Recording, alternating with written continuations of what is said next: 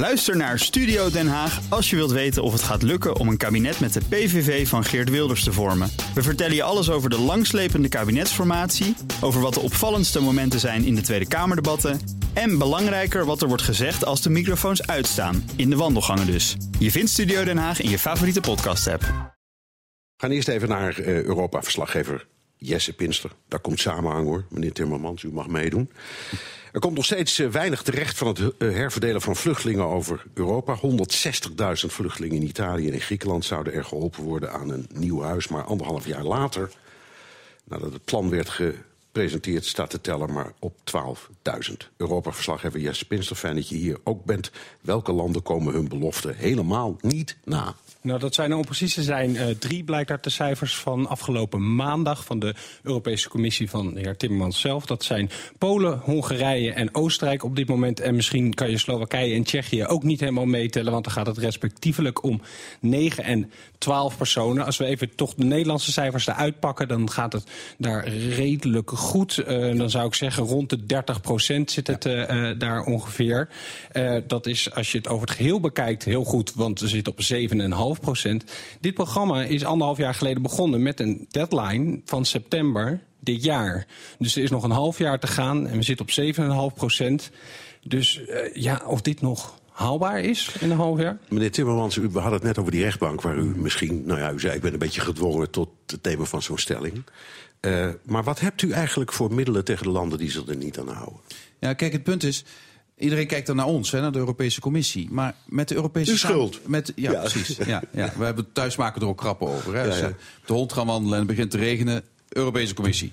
Ja. Um, maar het, het is... Um, het is zo dat, dat men kijkt graag naar ons, maar wij kunnen maar zoveel doen als de lidstaten ons toestaan te doen. Dat vergeten we wel eens. Hè? Dat, ik, vind, ik vind hier moeten we echt naar de lidstaten kijken. Um, wij kunnen dat, zoals ik zei, we kunnen naar de rechter gaan. Dan zijn we een paar jaar verder. En dan?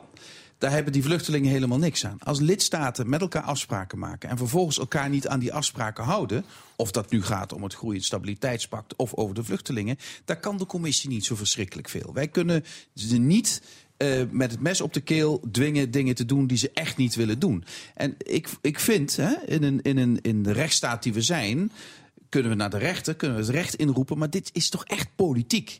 En ik vind dat lidstaten veel harder moeten durven zijn tegen elkaar, elkaar aanspreken op die afspraken. Want we zeggen nu wel, ja, met Turkije, het gaat veel beter, et cetera, et cetera. Maar de situatie in Griekenland en Italië, zeker in Italië, is op termijn niet houdbaar. Want het migratieprobleem verdwijnt niet. Dus daar moeten we met z'n allen structurele oplossingen voor vinden. Het herverdelen in crisissituaties is ook zo'n structurele oplossing. Ja, groot, het nieuwe probleem uh, uh, is uh, misschien Libië. Want er komt een enorme grote stroom uit het zuiden. Jesse, jij was in Malta op die topconferentie van Europese regeringsleiders. Hoe denken die nou een eind te maken aan die gigantische hoeveelheid uh, migranten die daar vandaan komen. Ik geloof het afgelopen jaar is er een record geweest. en 4000 mensen verdronken of zo. Nog nooit zo, zo. nog nooit zo hoog. Wat is hun antwoord? Wat willen ze?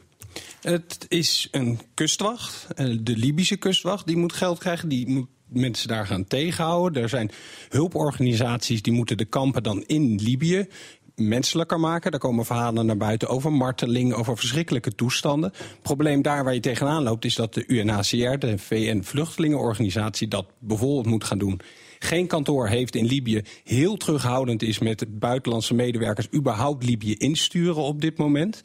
Um, nou, dat kan ook bijna niet. Want er zijn er een, een, land met uh, drie regeringen, zeg maar, waarvan we er dan één een beetje erkennen. Je kan er geen zaken mee doen.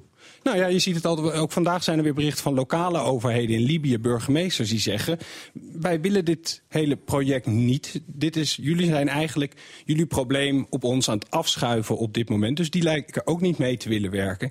En dan, ik bedoel, ja, dan heb je vluchtelingen in uh, Libië zitten. Ik heb heel veel vluchtelingen op Malta ook gesproken, met name Somalische vluchtelingen. Ik bedoel, dit is het laatste stapje in een hele lange reis waarin iedere stap eigenlijk uitbuiting plaatsvindt. Dus je pakt het helemaal aan het eind. Daar lijkt op dit moment in ieder geval de focus op te liggen.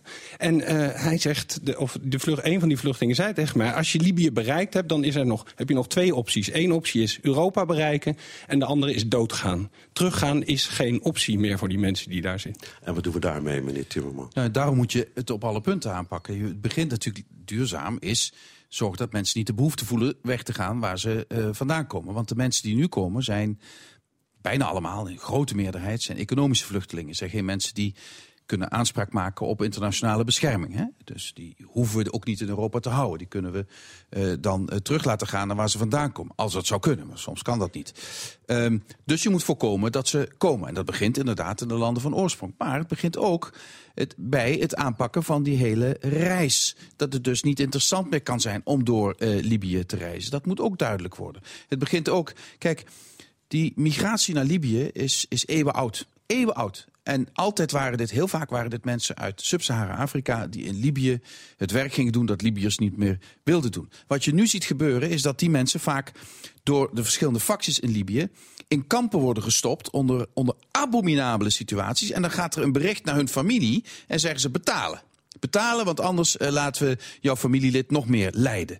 En dus het is ook een economisch model geworden om geld te verdienen voor die uh, groeperingen. Dat soort modellen moeten we zien te doorbreken. En dat nou. kunnen we ook met afspraken, dat kunnen we ook met alternatieven. Dan moet je niet altijd aan de grote klok hangen. Dan moet je ook gesprekken overvoeren met de verschillende facties. En dan stap voor stap ook aan die gemeente laten zien dat dat ook in hun voordeel is om dat te doen. Maar dat gaat natuurlijk in een land als Libië verschrikkelijk moeizaam. Daar heeft u volkomen gelijk. Ja, ik, we hoorden, heb jij vorige week ook over verteld over alternatieven? Bijvoorbeeld een deal maken met Tunesië of met Egypte... om daar vluchtelingen een soort safe havens te geven? Is daar nog over gesproken? Die, die verhalen gingen inderdaad rond, maar dat, uh, die heb ik op dat moment uh, daarna niet meer over gehoord. Nee. Wellicht tegen Timmermans meer. Zou, zou dat kunnen en is dat niet, het klinkt gek, toch een beetje een Trumpiaanse oplossing? Nee, maar kijk, punt, kijk, als de afspraken alleen maar gericht zouden zijn...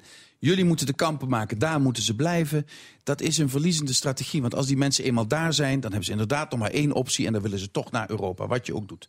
Dus de afspraak moet erop gericht zijn om mensen te houden waar ze vandaan komen. Dat moet uiteindelijk het doel zijn. Maar om dat te bereiken moet het ook moeilijker zijn om die reis te maken via die landen. En daarvoor moet je ook afspraken maken met Egypte, met Libië, met Tunesië, met Marokko, met Algerije, met Mauritanië, met al die landen. Daar zijn we ook, ook mee bezig. U zei, het is net, u zei net iets, dat moet niet altijd in het openbaar of in openbaar. Bedoelt u, dit, dit, dit proberen we al via stille Wat ik bedoel te zeggen is, je moet ook op een rustige manier, ter plekke, met de middelen die je hebt, laten zien dat het kan werken. Want als je het begint met heel hard te roepen en nou moeten die landen gaan tegenhouden, dan mobiliseer je in die landen al de weerstand. Want die denken, nou wacht eens even, dan zitten wij met de problemen. Dus je zult eerst aan de mensen lokaal moeten laten zien dat je ook dan aan hun zijde staat om die problemen op te lossen. En dat, om een voorbeeld te noemen, Spanje doet dat al heel lang met Marokko en dat werkt eigenlijk best goed.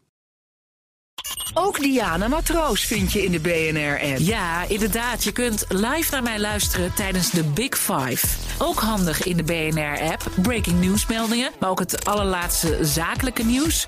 En je vindt in de app alle BNR-podcasts, waaronder Wetenschap Vandaag. Download nu de gratis BNR-app en blijf scherp.